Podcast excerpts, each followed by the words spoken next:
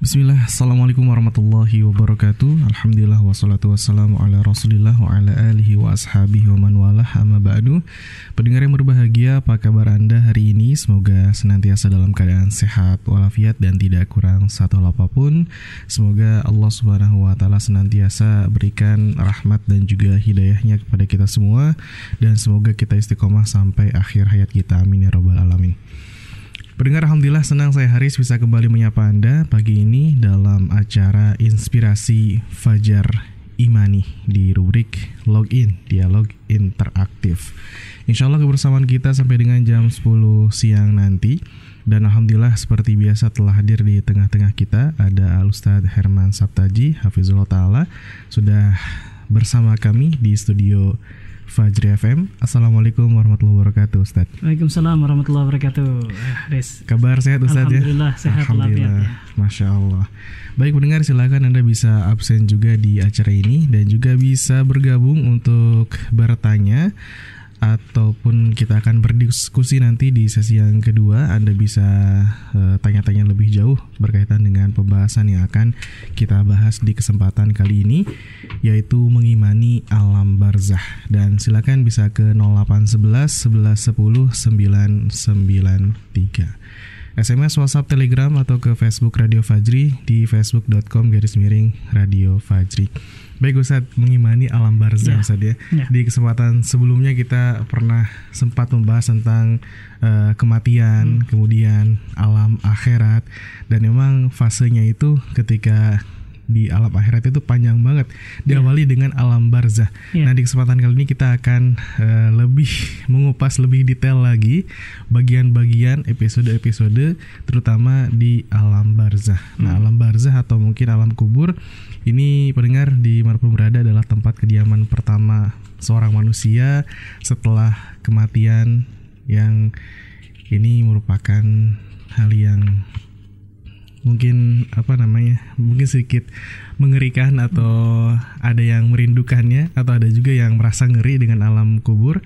Nah seperti apa gambarannya tentang alam kubur ini? Insya Allah akan dijelaskan oleh Al Ustadz dan tentunya sesuai dengan uh, firman Allah Subhanahu Wa Taala dan mudah-mudahan Allah Subhanahu wa taala memberikan hidayah kepada kita untuk bisa memahami dan juga mengamalkan segala perintahnya serta menjauhi larangannya sehingga kita bisa terhindar dari keburukan yang ada di alam kubur. Baik Ustaz, bisa dijelaskan mungkin sebagai pengantar tentang alam kubur ini, silakan. Baik, bismillah, alhamdulillah, salatu wassalamu ala nabiyina Muhammadin wa ala alihi wa sahbihi wasallam, amma ba'du. Mendengar Fajri di mana saja Anda berada, Alhamdulillah pada kesempatan kali ini di waktu duha ini kita bisa kembali uh, menjalin silaturahmi dan menjalin sila ukhuwah di antara kita melalui acara ini. Dan semoga Anda semua dalam keadaan sehat walafiat dan selalu diberikan rahmat oleh Allah Subhanahu wa taala. Kita doakan kebaikan untuk umat Islam ini dan juga kita doakan saudara-saudara kita yang saat ini sedang sakit ataupun sedang dalam musibah ataupun ujian. Semoga Allah Subhanahu wa taala mengangkat musibah tersebut atau ujian tersebut digantinya dengan kelapangan termasuk Amin. untuk saudara-saudara kita yang ada di Palestina itu ya yang saat ini terutama di daerah Gaza yang masih dibombardir oleh kaum Zionis Israel ya baik pendengar di mana saja Anda berada di pertemuan pekan yang lalu kita sudah membahas apa itu alam barzakh ya alam barzakh adalah alam persinggahan ya sebelum kita memasuki uh, akhirat kita ataupun memasuki episode dari hari kiamat. Dan alam barzah ini disebut juga dengan alam kubur ya karena memang mayoritas manusia itu mengalami uh, apa yang dimaksud dimasukkan ke dalam kubur, maka disebut dengan alam kubur. Tapi bukan berarti orang yang mereka meninggalnya, kematiannya tidak berada di alam tidak dikuburkan seperti orang-orang yang meninggal dunia di lautan atau mungkin badannya hancur karena ledakan dan yang lain-lainnya, mereka tidak mengalami alam barzah atau tidak mengalami alam kubur ya. Tetap mereka menghadapi alam kubur tersebut, menghadapi berbagai macam kejadian-kejadian yaitu disebut dengan fitnah kubur akan diuji oleh Allah Subhanahu wa taala tentang keimanan mereka di alam kubur tersebut mereka orang-orang yang beriman akan menikmati kenikmatan-kenikmatan yang kita tahu disebut dengan nama nikmat kubur dan orang-orang kafir ataupun orang-orang yang berdosa besar ya. Maka mereka juga akan mengalami yang disebut dengan azab kubur ya. Ini adalah suatu alam satu periode yang akan kita alami setelah kematian kita ya. Dan hal ini eh, sahabat Fajri di mana saja Anda berada bahwa jika seseorang selamat dari ujian dan cobaan di alam kubur niscaya ia akan mengalami kehidupan akhirat yang menyenangkan dan menggembirakan. Sebaliknya, jika seseorang tidak selamat, maka ia akan merasakan kesengsaraan yang sangat lama. Ya. Dan pokok pembahasan dari alam kubur ini cukup banyak. Tadi kita katakan ada yang disebut dengan uh, fitnah kubur, ya. Kemudian juga ada yang disebut dengan himpitan kubur, dan juga ada azab kubur dan nikmat kubur dan nanti di itu diakhiri ketika Allah Subhanahu wa taala meniup ya ataupun malaikat diperintahkan oleh Allah Subhanahu wa taala untuk meniup trompet di mana ketika itu manusia yang berada di kubur-kubur mereka mereka bangkit kembali untuk menghadapi episode selanjutnya dari hari kiamat ya. Nah, uh, tentang masalah alam barzah ini, ini sesuatu hal yang sangat penting untuk kita bahas ya. Karena agar kita bersiap-siap dan ini adalah salah satu episode kehidupan atau episode di dalam hidup manusia yang sangat menentukan. Ada satu riwayat bahwa Hani, budaknya Utsman bin Affan radhiyallahu an, itu meriwayatkan bahwa sahabat Utsman bin Affan radhiyallahu an jika dia berdiri di tepi kubur maka beliau ini Utsman bin Affan radhiyallahu an menangis. Sampai tangisannya itu air matanya membasahi jenggotnya. Maka ditanyakan kepada beliau kalau disebutkan surga dan neraka engkau terlihat tidak menangis. Tapi jika engkau ya jika engkau dihadapkan kepada kuburan-kuburan ya yang kau lihat maka engkau menangis. Kenapa seperti itu? Ya. Jadi kalau diingatkan surga, neraka dan yang lainnya, dia seperti tidak menangis. Tapi kalau berdiri di tepi kuburan dia menangis. Ya. Maka ketika itu Utsman bin Affan radhiyallahu an mengatakan, sesungguhnya Rasulullah Shallallahu alaihi wasallam pernah bersabda. Artinya beliau mendengar langsung dari Nabi Sesungguhnya kuburan adalah tahapan persinggahan pertama dari tahapan-tahapan akhirat. Jika seseorang selamat darinya, maka tahapan yang setelahnya akan lebih mudah baginya. Dan jika dia tidak selamat, maka tahapan yang sesudahnya lebih berat untuknya. Ya, karena aku pernah mendengar Rasulullah SAW juga bersabda, aku tak pernah melihat suatu pemandangan yang lebih mengerikan daripada kuburan. Ya, kuburan itu bukan berarti keramnya itu uh, seperti mungkin yang banyak tersebar ya bahwa di situ ada hantu, ada, ada pocong. pocong dan segala macamnya ya. Tapi yang seram itu adalah kehidupan ataupun kejadian-kejadian yang ada di dalam alam kubur tersebut. Jadi ini adalah materi yang sangat penting untuk kita sering mentadaburi permasalahan-permasalahan ini karena kita tahu bahwa pada suatu saat nanti kita akan berada di kubur-kubur kita, kita akan mengalami alam barzah kita. Ya, demikian Kang Ya, ya, baik Ustadz dan pendengar di mana pun berada tadi sudah disinggung bahwa ada yang namanya azab kubur hmm. dan juga ada yang namanya nikmat kubur. Hmm. Bahkan ada ada yang namanya fitnah kubur juga Ustadz ya. ya. Nah, saya akan bertanya dulu Ustadz tentang ya. azab kubur ini, tentang kepastian adanya hmm. karena ada sebagian orang yang meragukan adanya azab kubur nih Ustadz. Kira-kira gimana Ustaz? Iya. Uh, alam kubur adalah salah satu adab kubur ya maksudnya ya. Adab kubur ini adalah suatu kejadian yang pasti akan dialami ya pada manusia-manusia tertentu dan ini ditetapkan lewat dalil-dalil yang sangat kuat ya yang di mana bahwa uh, adanya adab kubur dan mereka yang akan mengalaminya itu telah disebutkan di banyak ayat-ayat Al-Quran dan juga di dalam hadis-hadis Rasulullah Sallallahu Alaihi Wasallam. Ya. Misalkan di dalam Quran surat Al-Mu'min Allah Subhanahu wa taala berbicara tentang Firaun, ya. Allah Subhanahu wa taala berfirman, "Wa haqa bi ali fir'auna su'ul adzab. An-naru yu'raduna 'alaiha guduwan wa ashiya wa yauma taqumus sa'ah adkhilu ala fir'auna asyaddal azab. Fir'aun beserta kaumnya akan dikepung dengan azab yang amat buruk. Setiap pagi dan petang mereka, neraka akan ditampakkan kepada mereka. Dan pada hari terjadinya kiamat akan dikatakan kepada para malaikat, masukkanlah Fir'aun dan kaumnya ke dalam azab yang sangat keras. Nah di sini disebutkan oleh Allah Subhanahu Wa Taala bahwa Fir'aun mengalami dua kali azab. Ya, yang pertama adalah neraka itu ditampakkan kepadanya di siang dan di petang hari. Dan ini adalah bagian dari siksaan, ya. Kemudian Allah Subhanahu wa taala menceritakan kejadian selanjutnya, berarti ini berbeda antara siksaan yang pertama yaitu ditampakkan neraka dan kemudian ditampakkan uh, neraka di pagi dan di sore hari, ya. Dan siksaan yang selanjutnya yaitu masukkan ke dia ke dalam neraka dengan azab yang sangat pedih. Berarti ada dua siksaan ya yang berbeda. Tadi yang kedua adalah di akhirat, yang kedua adalah di alam barzah dan di alam barzah berarti di situ di alam kubur dan ini menunjukkan adanya azab kubur. Ya, ini satu dalil saja ya. Sementara uh, dari ayat-ayat Al-Qur'an juga banyak sekali ya. Misalkan di dalam firman Allah Subhanahu wa taala Disebutkan di dalam Quran surat Nuh ayat ke-25, "Mimma khati'atuhum ugriku fa udkhilun nar." Ya, disebabkan kesalahan-kesalahan mereka, mereka ditenggelamkan lalu dimasukkan ke neraka. Nah, di sini kalau kita dalam bahasa Arab ya huruf fa pada kalimat fa ya ini merupakan artinya lil takib, artinya adalah langsung tanpa ada jeda.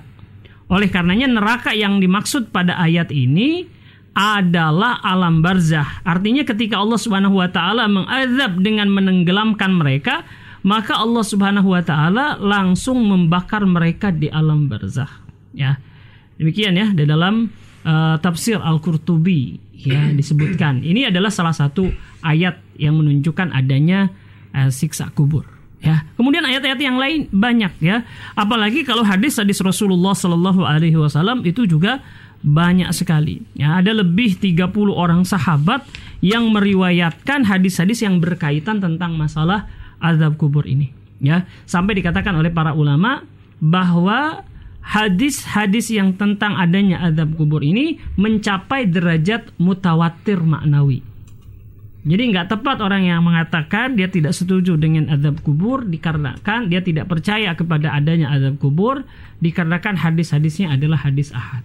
Ya, ya hadis ahad mungkin kalau satu satu riwayat saja atau beberapa riwayat saja sementara hadis-hadis yang berkaitan dengan azab kubur ini ternyata setelah kita kumpulkan setelah dikumpulkan oleh para ulama itu mencapai lebih dari 30 orang sahabat jadi ini bukan ahad lagi tapi ini adalah mutawatir maknawi. Kenapa maknawi? Karena sigatnya ataupun bentuknya ya redaksinya bermacam-macam ya.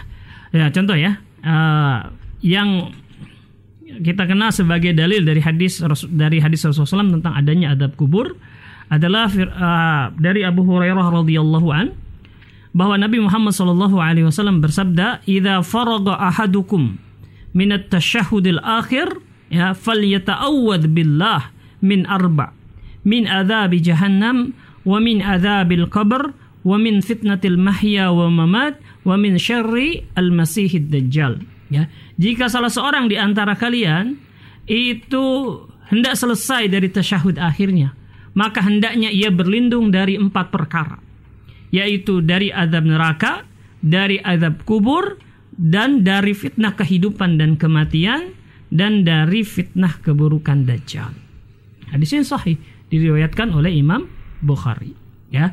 Kemudian juga dari Aisyah radhiyallahu anha beliau bersabda ada seorang wanita Yahudi menemui Rasulullah uh, menemui Aisyah radhiyallahu anha lalu menceritakan perihal siksa kubur kemudian berkata kepada Aisyah semoga Allah melindungimu dari siksa kubur kemudian setelah itu Aisyah bertanya kepada Rasulullah SAW tentang siksa kubur? Maka beliau menjawab, ya benar bahwa siksa kubur itu ada. Ya. Kemudian Aisyah berkata, maka sejak itu aku tidak melihat Rasulullah SAW setelah melaksanakan sholat kecuali beliau memohon perlindungan dari siksa kubur. Ya. Nah, di riwayat yang lain bahwa Rasulullah SAW mengatakan adabul kubur hakun. Ya, yang namanya adab kubur itu adalah benar adanya. Ya. Dan hadis-hadis yang seperti ini banyak. Ya, jadi dari ayat Al-Quran yang mengindikasikan banyak atau adanya adab kubur itu banyak ya diriwayatkan oleh ayat-ayat yang tadi salah satunya kita sebutkan ya. Kemudian juga lewat hadis-hadis Rasulullah SAW ya jadi itu ya.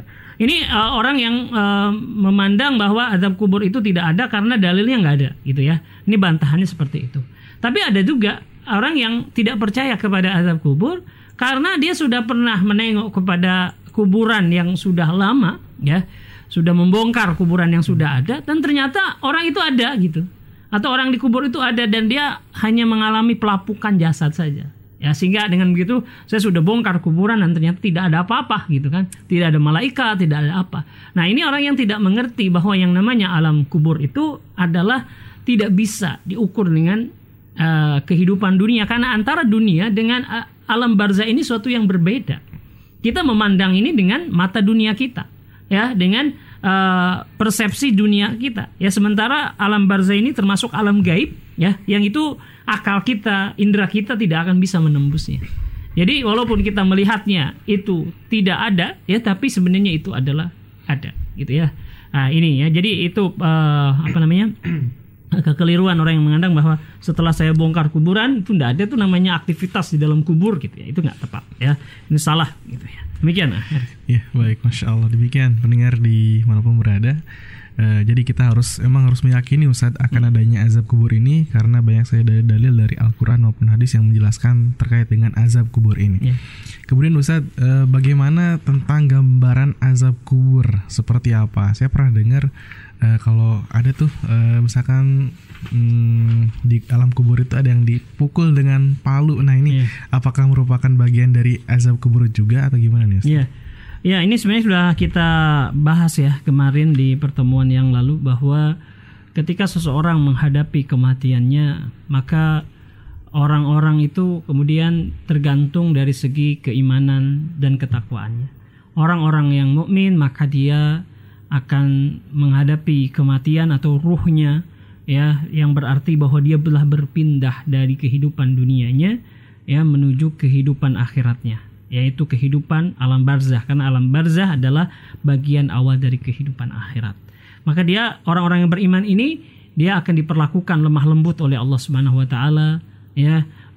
Ruhnya akan dicabut secara perlahan walaupun dia menghadapi sakaratul maut yaitu rasa sakit atas kematian itu hanya seperti seorang yang digigit dengan semut ya. Mungkin sakit tapi hanya sebentar ya. Sementara orang-orang yang beriman orang-orang kafir ataupun orang-orang yang mereka bergelimang kemaksiatan maka dari riwayat yang kita baca kemarin bahwa benar bahwa mereka ini akan ditarik ya nyawa mereka ditarik ruh mereka itu dengan sangat keras.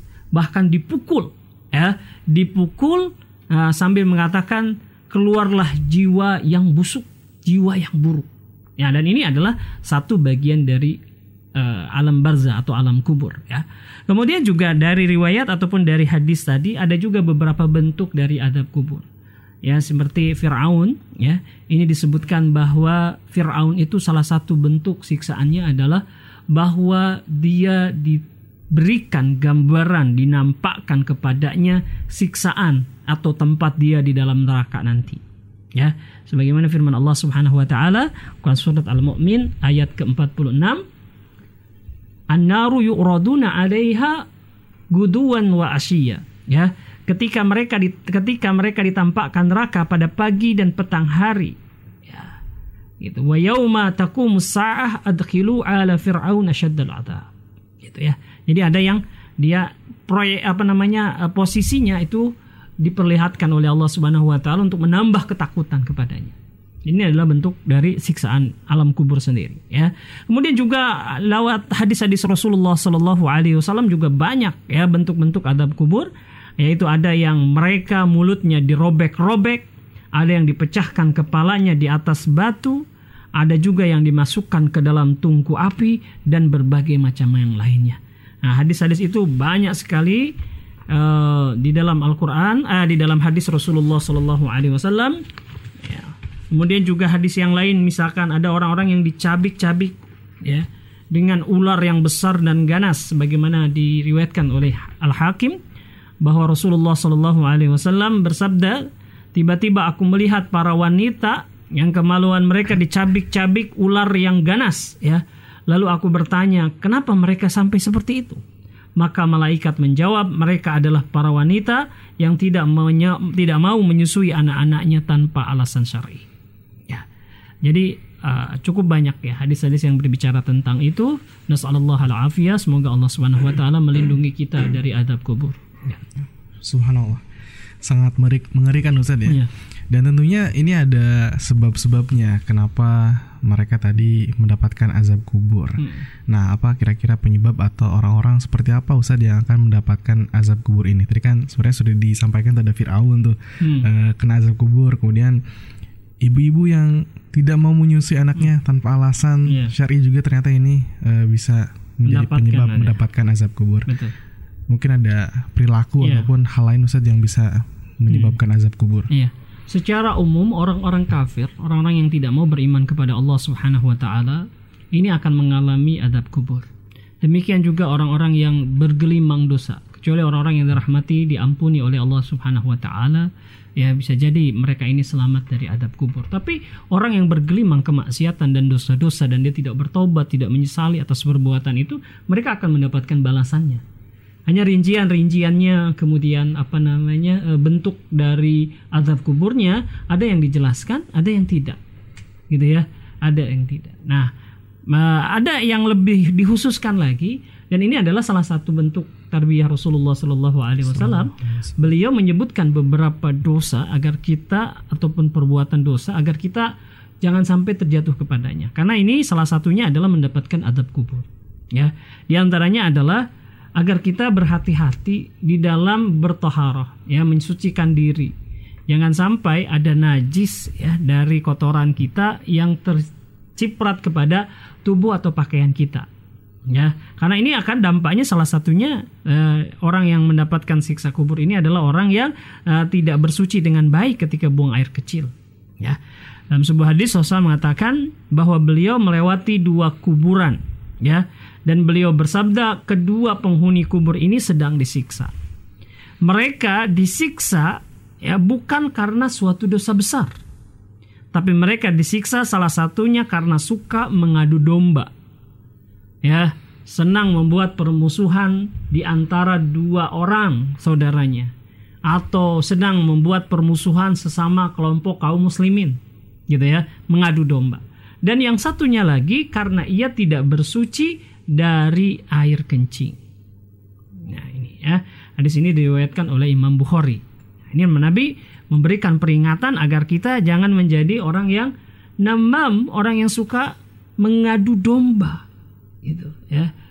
Karena perintah di dalam Islam justru adalah kita membuat perdamaian, mendamaikan, menentramkan, bukan malah uh, menimbulkan permusuhan sesama ya kaum muslimin, gitu ya ini. Nah, yang kedua adalah dari uh, agar kita ketika bersuci bertahara setelah buang air besar, buang air kecil, ini harus harus benar-benar memperhatikan kebersihan ya, tidak asal-asalan karena sudah ada ketentuannya di dalam syariat.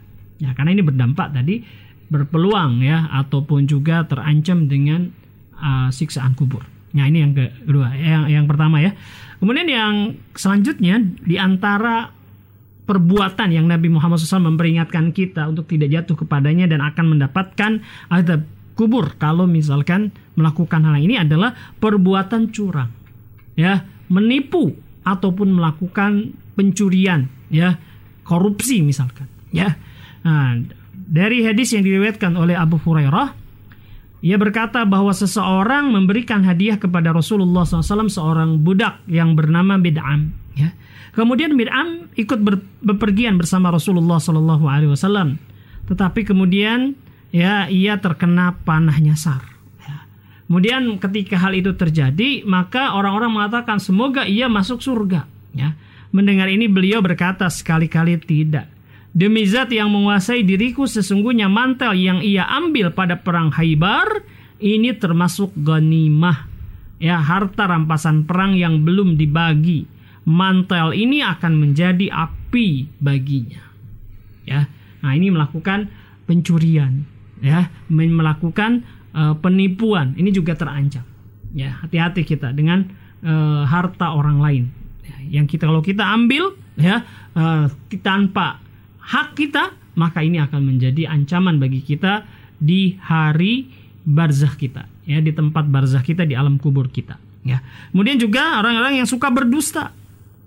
Ya, disebutkan bahwa adapun orang yang kamu datangi ujung mulutnya dirobek sampai tekuknya, begitu pula dari hidung sampai tengkuknya dan dari mata sampai tengkuknya, dia adalah orang yang keluar dari rumahnya pada hari pada pagi hari dengan mengumbar kedustaan ke mana-mana. Ya, ini adalah hadis yang diriwayatkan oleh Nabi Muhammad SAW ketika beliau menghadapi peristiwa Isra Mi'raj dan beliau dinampakkan orang-orang yang sedang disiksa. Ya, dan salah satunya adalah siksaan bagi orang yang mengumbar kedustaan di mana-mana, yaitu ujung mulutnya dirobek sampai tengkuknya. Dan sebaliknya, ya, ada yang dari hidung atau dari tengkuknya sampai ke uh, matanya atau sampai ke hidungnya ya. Ini juga adalah orang yang berpeluang ya untuk disiksa. Yaitu suka berdusta ya. Kemudian mereka yang membaca Al-Qur'an tetapi tidak melaksanakan apa yang diperintahkan. Dan orang-orang yang meninggalkan apa yang dilarang ya.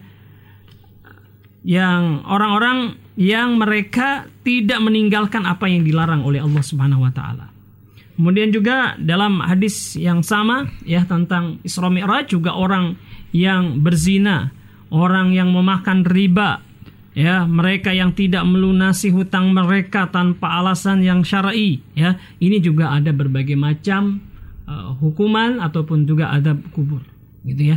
Nah, dalam hadis-hadis yang banyak sekali ya, mungkin mendengar di mana saja Anda berada, ini mungkin pembahasan khusus ya, tapi seperti itulah ya perbuatan-perbuatan maksiat ataupun dosa yang berpeluang ya ataupun bisa jadi orang itu mendapatkan dua siksaan di kuburnya ataupun di akhirat. Makanya oleh karena itu kalau kita melakukan dosa siapa sih yang tidak pernah melakukan dosa?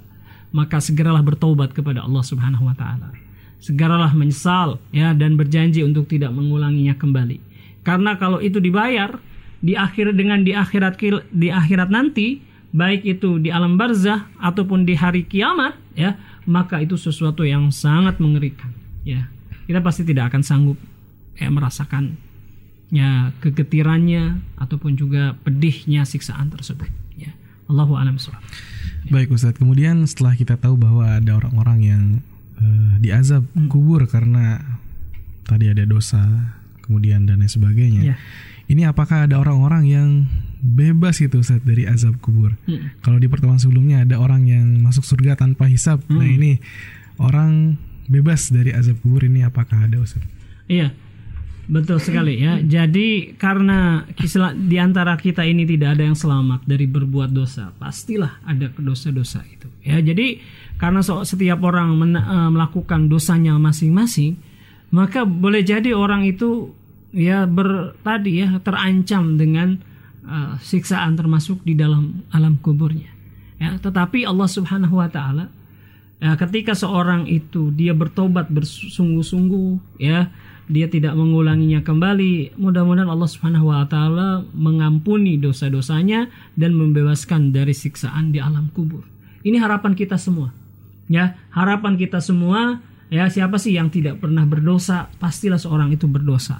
Makanya kita beristighfar kepada Allah, kita memohon ampunan kepada Allah agar Allah Subhanahu wa taala menghapuskan kesalahan-kesalahan kita dan memberikan keringanan kepada kita agar kita tidak diadab dengan adab kubur. Ini harapan kita, ya.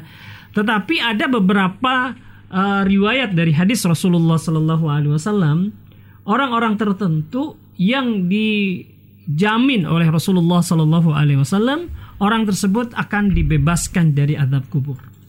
Ya. Nah, apa saja ataupun siapa golongan orang itu? Yang pertama adalah orang-orang yang mereka mati syahid di jalan Allah Subhanahu wa taala. Ya.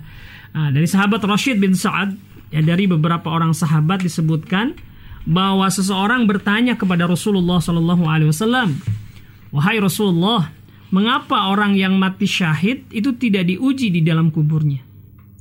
Padahal semua orang-orang mukmin itu diuji, ya. Maka kemudian Rasulullah Shallallahu Alaihi Wasallam bersabda yang artinya, ya, kilatan pedang yang berkelebat di atas kepala mereka, yaitu para syuhada, sudah cukup menjadi ujian bagi mereka. Ya, sudah jasa-jasa mereka itu luar biasa di dalam membela agama Allah Subhanahu wa taala. Dan mereka menghadapi ujian-ujian yang sangat keras ya di dalam memperjuangkan di dalam perjuangan mereka. Dan itu adalah penawar dari ya fitnah ataupun juga adab kubur ya. Kemudian juga orang yang berjaga ya menjaga batas wilayah kaum muslimin. Mereka yang menjaga tanah kaum muslimin dari dianeksasi, dicaplok ya, mereka yang terzolimi oleh musuh-musuh Allah Subhanahu wa taala lantas demi kehormatan kaum muslimin mereka tetap bertahan di tempat itu, maka mereka ini juga adalah mendapatkan karunia dari Allah Subhanahu wa taala, neraka tidak akan menyentuh mereka. Dan mereka juga diringankan oleh Allah Subhanahu wa taala tidak mengalami azab kubur. Ya. Rasulullah Rasulullah SAW bersabda, ribat sehari semalam lebih baik daripada puasa dan sholat malam sebulan. Kalau ia gugur dalam keadaan tersebut, maka amalnya akan mengalir dan dianugerahkan rezeki atasnya dan dijamin bebas dari ujian kubur. Ya. Dan banyak lagi yang lainnya. Di antaranya orang yang meninggal pada hari Jumat atau malamnya dalam keadaan tentu saja di atas ketaatan kepada Allah Subhanahu wa taala membiasakan diri melazimkan ketaatan ya. Ini juga termasuk yang disebutkan oleh Nabi Muhammad SAW dia akan selamat dari ujian di kuburan ya Kemudian juga orang yang meninggal karena musibah berat, lantas dia bersabar.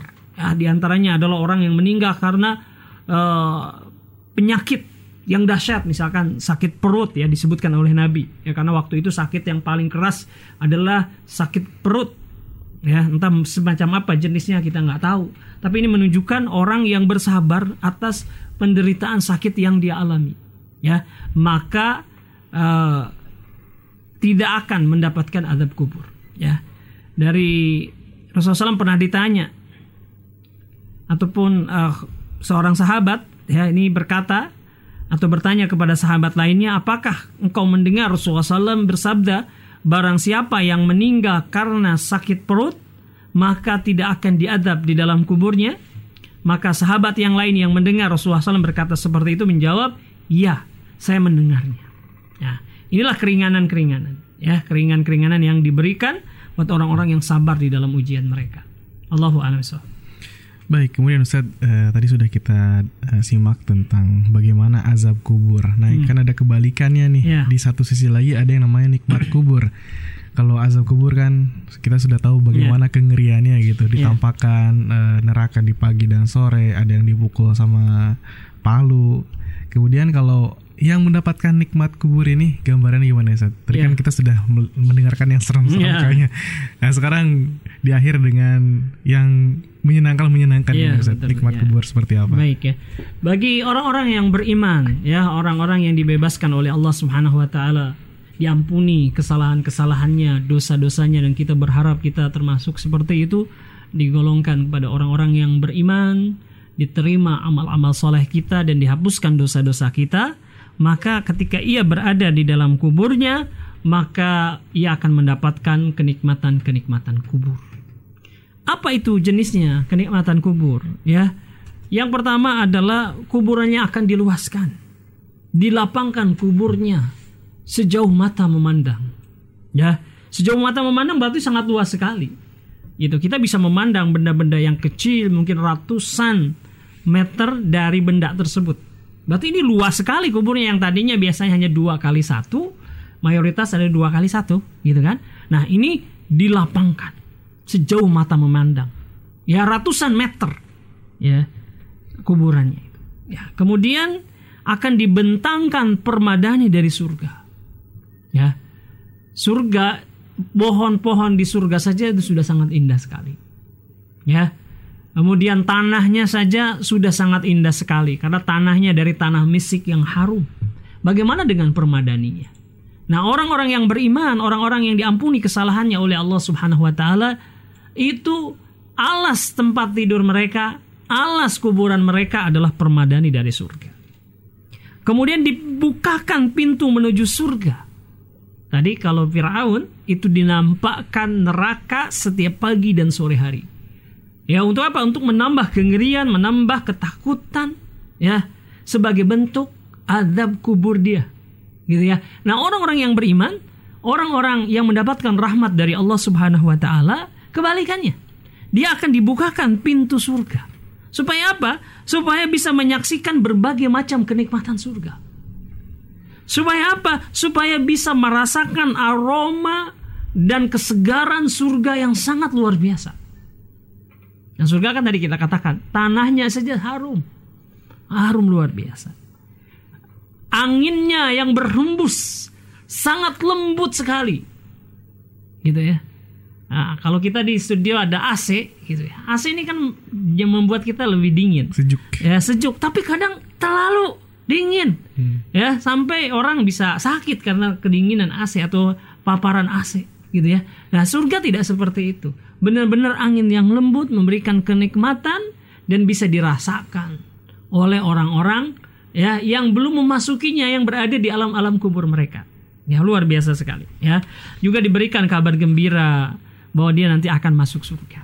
Nah, hal ini ya, berdasarkan sabda Rasulullah sallallahu alaihi wasallam uh, lewat hadis yang panjang sekali ya bahwa beliau Rasulullah sallallahu alaihi wasallam bersabda sesungguhnya beliau Rasulullah SAW mendengar suara sandal orang-orang uh, orang orang yang sudah meninggal ya mendengar suara sandal orang-orang yang mengantarkannya ketika mereka pulang. Lalu datanglah dua malaikat yang sangat keras bentakannya. Keduanya membentaknya dan mendudukkannya. Lantas bertanya, ini yang disebut dengan fitnah kubur. Ya, ujian di alam kubur. Gitu. Siapa Robmu? Ya maka dia menjawab Allah Robku. Mereka bertanya kembali, apa agamamu? Dijawab agamaku Islam. Kemudian mereka bertanya lagi, siapakah orang yang diutus kepadamu? Dijawab, dia adalah Muhammad Rasulullah. Ya. Kemudian dia bertanya lagi, apa amalmu? Aku membaca Al-Quran, lalu aku mempercayainya dan membenarkannya. Ya. Lalu mereka kembali bertanya, ya, siapa Robmu, apa agamamu, dan siapa nabimu? Itulah cobaan terakhir yang diberikan kepada seorang mukmin. Lalu Rasulullah Shallallahu Alaihi Wasallam membacakan firman Allah Subhanahu Wa Taala, "Yusabbitullahu alladhina amanu bil qawli thabit fil hayati dunya wa fil akhirah, wa yudillullahu dhalimin, wa yaf'alullahu ma yasha." Allah meneguhkan orang-orang yang beriman dengan ucapan syahadat di kehidupan dunia dan di alam kubur. Ya, jadi dia akan orang-orang yang beriman akan diberikan kemudahan dalam menjawab ya ujian-ujian di dalam kubur. Ya, jadi kalaupun orang-orang kafir ataupun orang-orang yang penuh dosa menghafalkan jawabannya, pertanyaan dan jawabannya, istilahnya udah tahu kisi-kisinya, iya. gitu ya, itu tidak bisa menyelamatkan mereka karena apa yang dijawab itu berdasarkan amal mereka di dalam kehidupan dunia. Ya. Dan Allah Subhanahu wa taala menyesatkan orang-orang yang zalim dan berbuat apa yang Dia kehendaki. Karena itu kata Rasulullah SAW, sang hamba dapat menjawab, Robku adalah Allah, agamaku adalah Islam, nabiku adalah Muhammad, lalu berserulah penyeru di langit. Ya, hambaku benar, maka bentangkan untuknya perbandani dari surga. Berilah pakaian dari surga dan bukakanlah baginya pintu menuju surga. Lalu Rasulullah SAW melanjutkan, lalu sampailah kepadanya aroma semerbak sem mewangi dari surga dan diluaskan baginya kuburan seluas pandangan mata. Ah ini ya yang dikabarkan oleh Nabi Muhammad SAW ya yang diriwayatkan oleh Imam Hakim, Abu Daud dan Imam Ahmad. Ya. Nah ini ya banyak sekali ya seperti itu. Ini satu atau jenis kenikmatan saja sudah menyenangkan apalagi dengan beraneka ragam kenikmatan yang akan didapat bagi orang-orang yang beriman ya orang-orang yang dirahmati oleh Allah Subhanahu wa taala di alam kubur mereka. Ya, demikian. Nah, Baik, Masya Allah. Terima kasih Ustadz atas ilmu yang disampaikan dan insya Allah kita akan lanjut lagi dan juga kami undang kepada pendengar untuk mengirimkan pertanyaan berkaitan dengan alam barzah atau alam kubur ya. Silakan bisa ke 0811 11 10 993 bisa juga ke Facebook Radio Fajri di facebook.com garis miring Radio Fajri. Insya Allah kami akan bacakan tanggapi pertanyaan Anda setelah jeda berikut. Tetap stay tune di 99.3 Fajri FM Suara Kebangkitan Islam. Ya baik pendengar yang berbahagia di mana pun berada masih di acara Inspirasi Fajar Imani di, di rubrik Login Dialog Interaktif. Kali ini bersama Alustad Herman Sabtaji STHI MM Hafizullah Ta'ala. Kita sedang membahas sebuah tema yang sangat penting ya Yaitu mengimani alam barzah Nah di kesempatan kali ini kami akan coba tanggapi Akan bahas ataupun jawab pertanyaan-pertanyaan yang Anda kirimkan Silahkan yang mau menyusul bisa ke 08 11 11 10 993. Baik ini ada Pak Jojo di Cibinong. Assalamualaikum. Ya. Waalaikumsalam warahmatullahi wabarakatuh. Ini tema yang saya tunggu-tunggu. Masya Allah, sangat menarik sekali temanya. Uh, ini Ustadz berkaitan dengan tahapan nasib si mayit setelah dikubur itu apa saja? Hmm. Setelah ditinggal tujuh langkah oleh keluarga di pemakaman, ditanya siapa Tuhanmu, siapa nabimu, apa agamamu dan lain-lain. Yeah. Ini bagaimana bagi manusia, bagi insan yang tidak bisa menjawab ini akhirnya bagaimana Ustadz? Yeah. Silakan. Baik ya, bahwa fitnah kubur atau yang disebut dengan ujian di alam kubur pertanyaan siapa Tuhanmu? Man rabbuka? Ya. Wama dinuka? Kemudian wama nabiyuk waman nabiyuka? Ini ini adalah satu pertanyaan pertanyaan pertanyaan yang akan diadu, diajukan. Dan kita tentu saja menjawabnya dengan amal-amal kita hmm. gitu ya. Jadi jangan khawatir nanti saya ngapalin di dunia nanti kalau pas akhirat kalau lupa gimana gitu ya. Tidak ini di pertanyaan-pertanyaan ini jawabannya otomatis sesuai dengan amal-amal kita. Ya kalau kita di dalam kehidupan dunia ini kita konsekuen dengan aturan ataupun ajaran Allah Subhanahu wa taala memelihara ketakwaan berusaha menjalankan perintah-perintah Allah menjauhi larangan-larangannya bertobat atas segala eh, dosa-dosa uh, yang kita lakukan memohon ya rahmat dari Allah Subhanahu wa taala, memohon ampunan dari Allah Subhanahu wa taala, niscaya kita insya Allah taala akan melewatinya dengan baik. Ya. Kalau kita bisa melewatinya dengan baik, insya Allah taala nikmat-nikmat kubur yang seperti tadi kita gambarkan lewat hadis Rasulullah Sallallahu Alaihi Wasallam akan dilapangkan kuburnya sejauh mata memandang, alas kuburnya juga bukanlah tanah yang becek bukan tapi adalah permadani dari surga. Akan terpapar bukan terpapar ya akan mendapatkan kesejukan surga dan yang lain-lain. Ya tapi sebaliknya kalau kita tidak bisa menjawab artinya amal-amal kita di dalam kehidupan dunianya berantakan. Ya banyak melakukan perbuatan kemaksiatan sering melanggar melalaikan perintah dari Allah Subhanahu wa taala.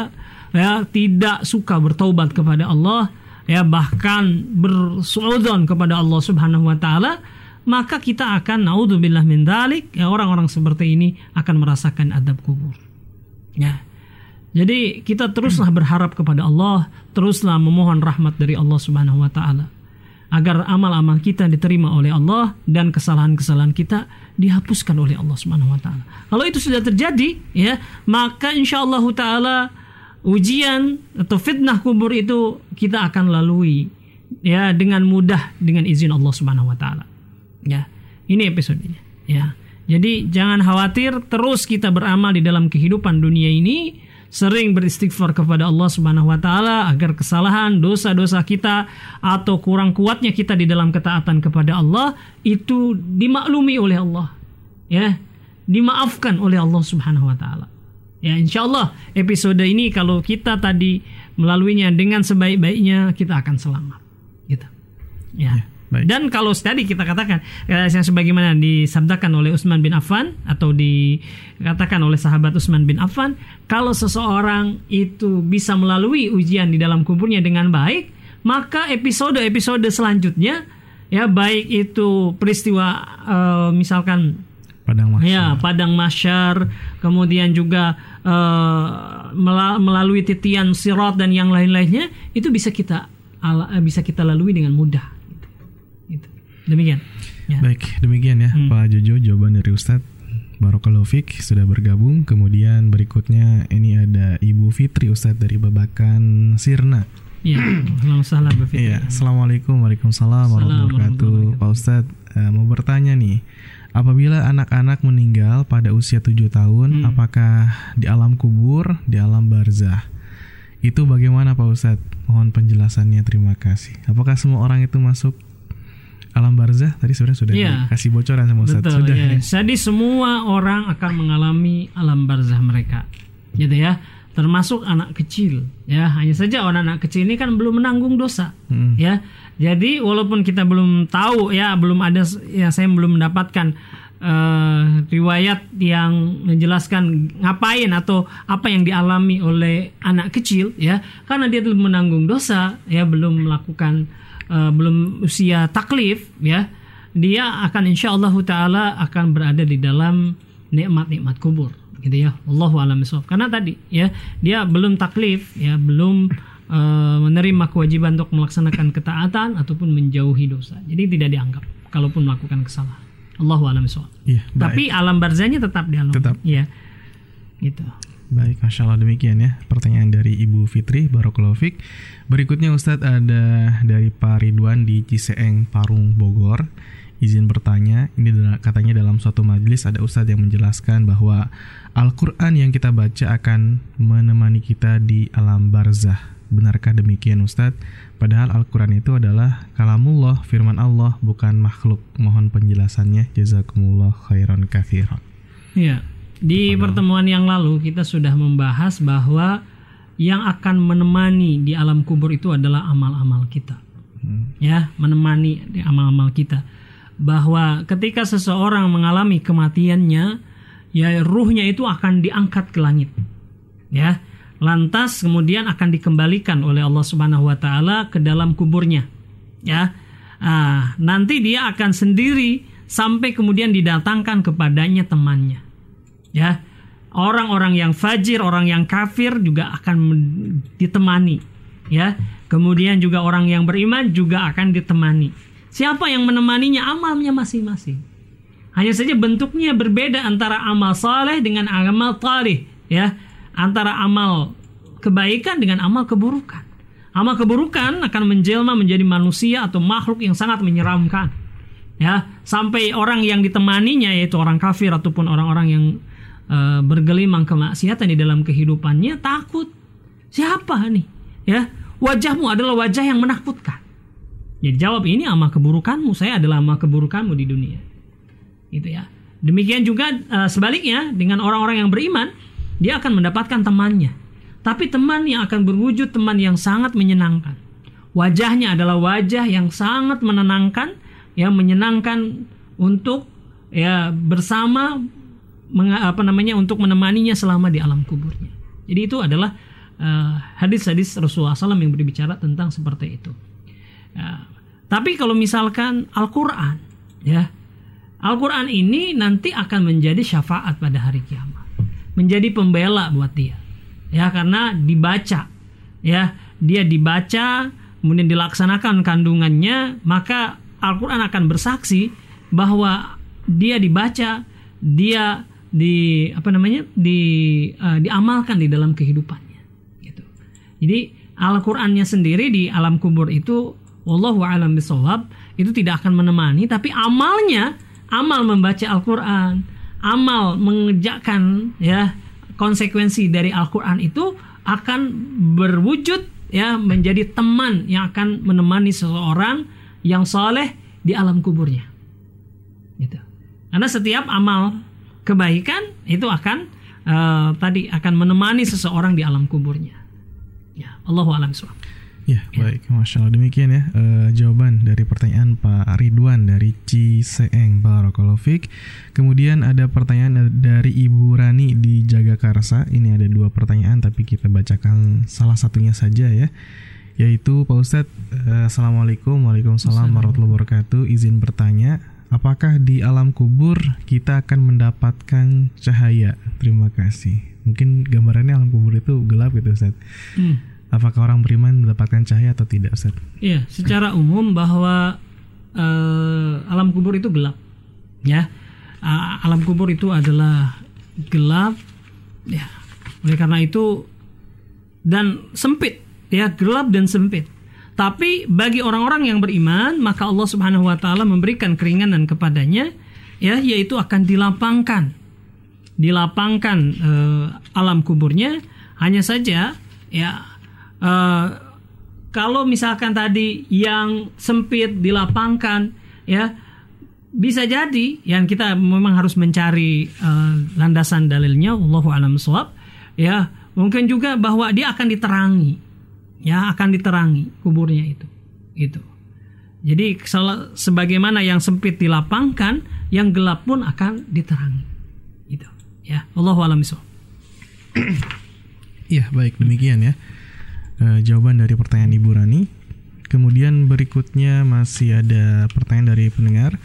Ada dari Pak Abu Fatih dari Tangerang. Assalamualaikum Waalaikumsalam warahmatullahi wabarakatuh. Mau bertanya, ya apakah benar setiap malam Jumat arwah yang sedang eh, arwah yang sudah meninggal dunia itu pulang ke rumah? Ada dalilnya atau tidak? Tadi kan fase kehidupan manusia itu setelah meninggal di alam kubur saja. iya Apakah dia bisa keluar dari kubur dulu Iya, untuk berkunjung ke rumah keluarganya Iya. atau bagaimana Ustaz? Iya, itu tidak seperti itu ya. Karena tadi kita katakan alam barzah itu adalah alam eh, yang berbeda dengan alam dunia. Jadi kita yang ada di dunia tidak bisa menengok ya, jangankan masuk, nengok aja nggak bisa gitu ya.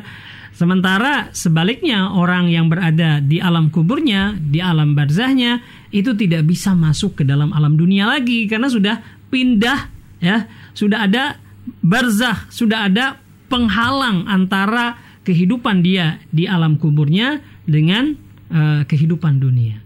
Jadi boro-boro ya naik ke dunia, misalkan di alam kuburnya atau berkunjung ke alam dunia kemudian ke rumahnya tidak bisa. Ya, tetap ya dia berada di dalam alamnya masing-masing yang tidak bisa menyatu satu sama lainnya.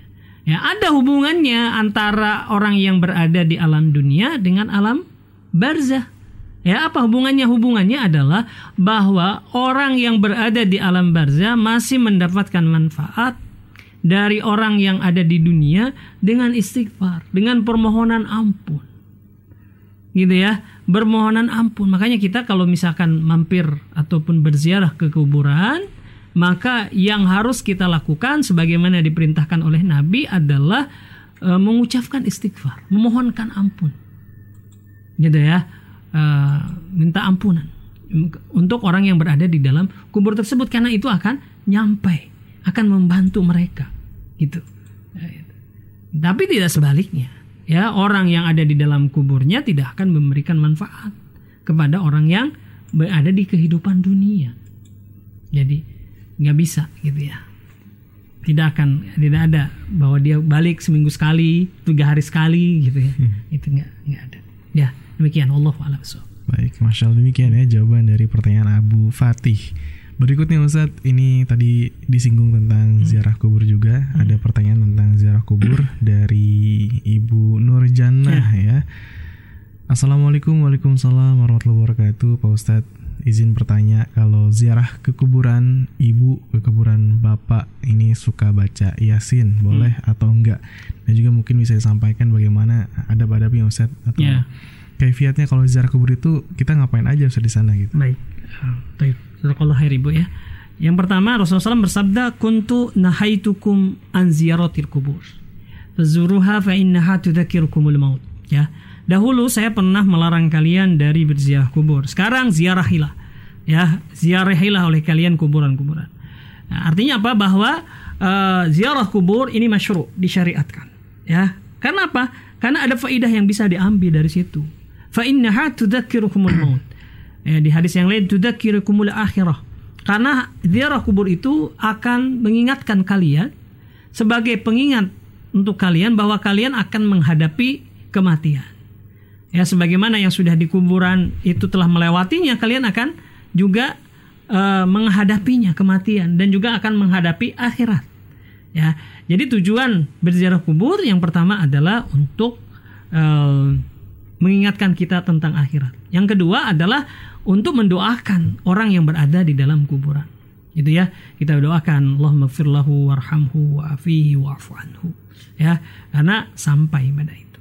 Gitu ya kita lakukan dengan penuh adab ya tidak menginjak-injak kuburan kita bersikap hening karena tadi ini untuk tafakur kita pada suatu hari kita akan menghadapi hal tersebut ya. Adapun membaca surat yasin ataupun membaca ayat-ayat Al-Qur'an emang ini menjadi perselisihan di kalangan para ulama apakah diperbolehkan atau tidak. Karena kita lihat ya bahwa Rasulullah SAW ketika berziarah kubur yang disyariatkan atau yang diperintahkan kepada oleh beliau adalah beristighfar untuk yang berada dalam kubur atau mengingat kematian. Ya. Saya belum mendapatkan hadis misalkan Nabi Muhammad SAW membacakan surat Yasin atau membacakan surat-surat yang lain di situ. Nah ini uh, sebaik-baik petunjuk adalah Nabi Muhammad SAW. Tapi Allah alam ya ada yang uh, membaca surat Yasin ataupun juga membaca surat-surat yang lain ya di di kuburan mereka karena uh, beralasan ataupun memiliki pendapat bahwa saya membaca surat Yasin ini adalah bagian dari amal soleh dan bolehnya itu menghadiahkan amal soleh kepada orang yang sudah meninggal. Ya menghadiahkan pahala bagi orang yang sudah meninggal yang ada di kubur tersebut. Maka saya surat baca Al-Fatihah. Saya baca surat Yasin ya ini yang saya tahu uh, pendapat dari eh, teman-teman uh, ataupun bagi mereka yang percaya bahwa surat Yasin itu adalah uh, di, bisa dibaca ketika di kubur-kuburan tersebut. Kita hargai tentu saja pendapat ini, ya, tapi sekali lagi sebaik-baik petunjuk adalah petunjuk Nabi Muhammad SAW. Kita ikuti bagaimana tata cara ziarahnya Nabi Muhammad SAW ke kuburan, gitu ya. Allahu a'lam Baik, masya Allah. Terima kasih Ustadz dan mungkin uh, sebagai penutup di kesempatan kali ini hmm. ada hal yang ingin Ustadz sampaikan atau mungkin ada nasihat hmm. agar kita bisa mendapatkan nikmat kubur dan juga sebaliknya agar kita terhindar dari azab kubur yang mengerikan ini Ustadz. Ya. Baik, uh, pendengar Fajri di mana saja anda berada, kita kalau membahas ataupun berbicara tentang alam kubur, ya sering terlintas bahwa itu masih lama sejauh gitu ya. Padahal ya tidak ada yang tahu kapan datangnya kematian itu pada kita. Ya makanya berbedanya antara orang-orang yang dikurniai oleh Allah keimanan ya itu ketika orang-orang memandangnya masih jauh masih lama gitu ya. Orang-orang yang beriman memandang itu dekat gitu ya. Boleh jadi seminggu lagi boleh jadi besok hari boleh jadi beberapa saat lagi akan datang kepada kita. Maka karena kematian kita ini misteri, ya tidak tidak ada yang tahu kapan datangnya kecuali Allah Subhanahu Wa Taala. Maka sebaiknya dan harusnya kita tidak menunda-nunda untuk beramal soleh, tidak menunda-nunda untuk berhenti dari kemaksiatan. Ya, sebelum itu benar-benar datang, ya, dan tidak ada kita bisa menundanya sesaat saja, ya Delay sebentar gitu kan, setengah jam, satu hari, seminggu, setahun, dua tahun, tidak bisa. Ya, karena itu adalah sesuatu yang akan datang tiba-tiba kepada kita, maka bersiaplah. Ya, lakukanlah amal-amal soleh, ya rakuslah kita terhadap amal-amal soleh sebagai bekal untuk kita. Ya, dan menghindarlah kita dari dosa-dosa ya karena apa pun dari suatu amal yang jelek kita akan mendapatkan balasannya. Fama ya'mal mithqala dzarratin khairan yarah Siapa yang beramal kebaikan maka dia akan mendapatkan balasannya walaupun amal itu mungkin kecil di hadapan manusia. Dan demikian juga siapa yang beramal keburukan walaupun sebesar biji zarrah, biji sawi ya, maka dia akan mendapatkan balasannya.